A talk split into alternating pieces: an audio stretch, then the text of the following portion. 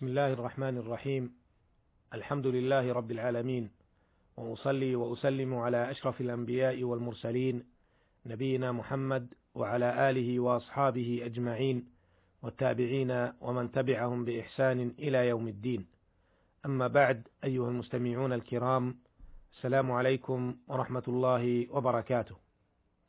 تحدثنا في الحلقة السابقة عما روي في الصحيح عن جابر بن عبد الله رضي الله عنهما أن معاذ بن جبل كان يصلي مع رسول الله صلى الله عليه وسلم العشاء الآخرة ثم يرجع إلى قومه فيصلي بهم تلك الصلاة. وعما رواه الشيخان عن أبي هريرة رضي الله عنه أنه قال قال رسول الله صلى الله عليه وسلم لا يصلي أحدكم في الثوب الواحد ليس على عاتقه منه شيء. وعرفنا ما في هذين الحديثين العظيمين من أحكام وفوائد تهم كل مسلم في حياته وعبادته. وفي هذه الحلقة نتحدث عما رواه الشيخان عن جابر بن عبد الله رضي الله عنهما عن النبي صلى الله عليه وسلم أنه قال: من أكل ثوما أو بصلا فليعتزلنا أو ليعتزل مسجدنا وليقعد في بيته. وأتي بقدر فيه خضرات من بقول فوجد لها ريحا فسأل فأخبر بما فيها من البقول فقال قربوها إلى بعض أصحابه كان معه فلما رآه كره أكلها قال كل فإني أناجي من لا تناجي. وعن جابر رضي الله عنهما أن النبي صلى الله عليه وسلم قال من أكل البصل أو الثوم أو الكراث فلا يقربن مسجدنا فإن الملائكة تتأذى مما يتأذى منه بنو الإنسان وفي رواية بنو آدم. هذا هذه الأحاديث أو هذا الحديث برواياته له فوائد مهم مهمة وأحكام ودروس وأسرار تتعلق بما ينبغي على المسلم أثناء تأدية عبادته وصلاته. أعرض هذه الفوائد في الوقفات الآتية. الوقفة الأولى قال في الحديث: ليعتزل مسجدنا. ذكر بعض أهل العلم أن النهي هنا خاص بمسجد الرسول صلى الله عليه وسلم، ولكن الصحيح جميع المساجد لما ورد في بعض الروايات مساجدنا قال الحافظ ابن دقيق قوله مسجدنا تعلق به بعضهم في أن هذا النهي مخصوص بمسجد الرسول صلى الله عليه وسلم وربما يتأكد ذلك بأنه كان مهبط الملك بالوحي والصحيح المشهور خلاف ذلك وأنه عام لما جاء في بعض الروايات مساجدنا.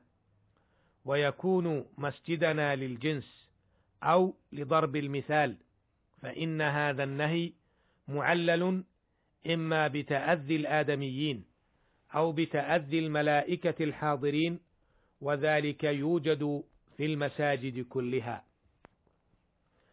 الوقفة الثانية قال في الحديث: وأتي بقدر فيه خضرات قال ابن دقيق رحمه الله: قيل إن لفظة القدر تصحيف وأن الصواب ببدر بالباء والبدر الطبق وقد ورد ذلك مفسرا في موضع آخر. ومما استبعد به لفظ القدر أنها تشعر بالطبخ وقد ورد الإذن بأكلها مطبوخة. وأما البدر الذي هو الطبق فلا يشعر كونها فيه بالطبخ فجاز أن تكون نيئة.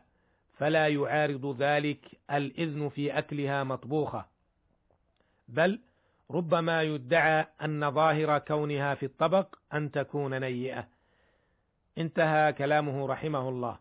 قال الصنعاني رحمه الله ذهب جماعة إلى أن لفظة قدر تصحيف ولكن رجح الحافظ ابن حجر رحمه الله رواية القدر بالقاف لوروده كذلك في رواية أبي أيوب وأم أيوب جميعا وفيه التصريح بالطعام.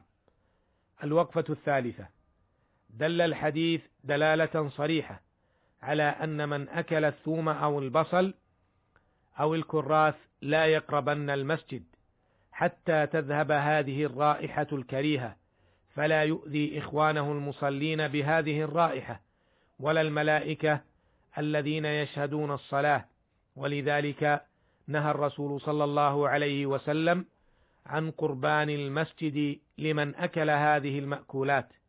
ولا شك أنه يلحق بهذه الأشياء ولا شك أنه يلحق بهذه الأشياء كل ما كانت رائحته كريهة كمن يتعاطى الدخان مثلا وغيره من الأطعمة التي تشتمل على روائح كريهة تؤذي المصلين كما تؤذي الملائكة المقربين.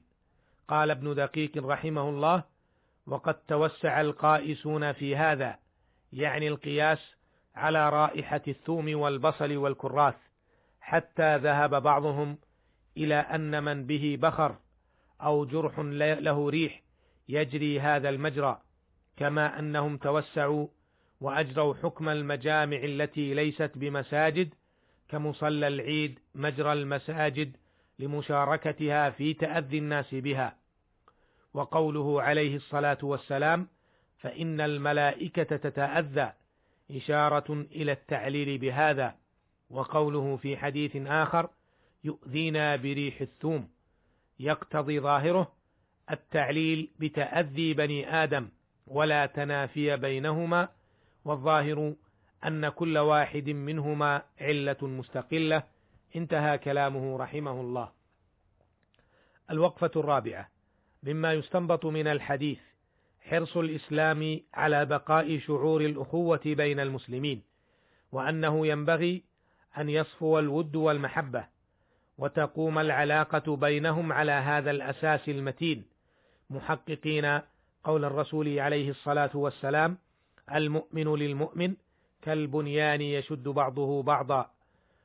وقوله عليه الصلاة والسلام المسلمون كالجسد الواحد إذا اشتكى منه عضو تداعى له سائر الجسد بالحمى والسهر.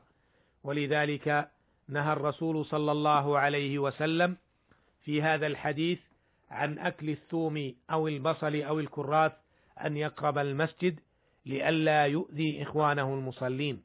وهذا بلا شك من تحقيق قوله تعالى والذين يؤذون المؤمنين والمؤمنات بغير ما اكتسبوا فقد احتملوا بهتانا وإثما مبينا فالحاصل أن مراعاة شعور المؤمنين وعدم إيذائهم بأي صورة من صور الإيذاء أمر مطلوب من المؤمن.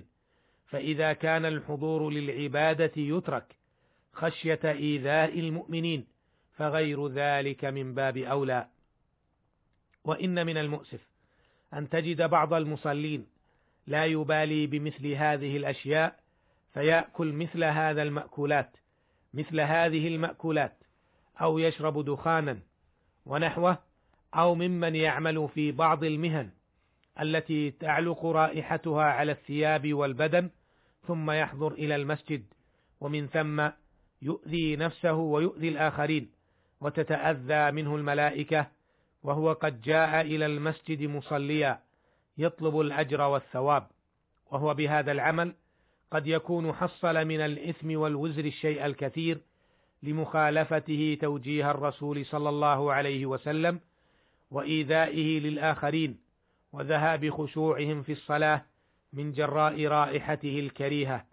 فما أحرانا أيها المستمعون الكرام أن نأخذ لهذه الصلاة قدرها فلا نأكل ما كانت رائحته كريهة. فلا نأكل ما كانت رائحته كريهة أو خبيثة. وعند أكل هذه الأشياء وأمثالها فلا تؤذي الملائكة والعباد بالحضور.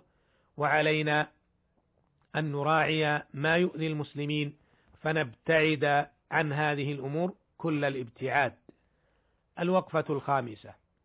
ذكر بعض أهل العلم أن النهي عن أكل الثوم ونحوه ليس لتحريمها بدليل أمر النبي صلى الله عليه وسلم بأكلها فامتناعه عن أكلها لا يدل على التحريم وهذا يعني حرص الإسلام على أن الإنسان يتناول الطيب من الأكل والشرب والله جل وعلا طيب لا يقبل إلا طيبا.